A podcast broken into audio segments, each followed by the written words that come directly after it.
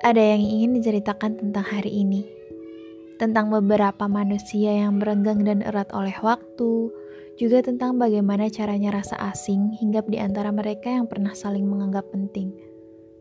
Mungkin keadaan yang memaksa untuk berubah, yang memaksa mendewasa lewat luka meski pada akhir yang belum akhir sebenarnya, harus rela saling mengakhiri. Walaupun nyatanya, pergi bukan satu-satunya jalan dalam misi penyelamatan diri. Tapi semoga semesta selalu membersamai agar untuk menjadi sendiri-sendiri tidak terlalu menyakiti. Besok kita perbaiki lagi.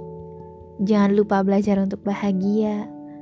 Meski dia yang kita harap akan selalu ada, harus pergi dari cerita yang belum selesai endingnya.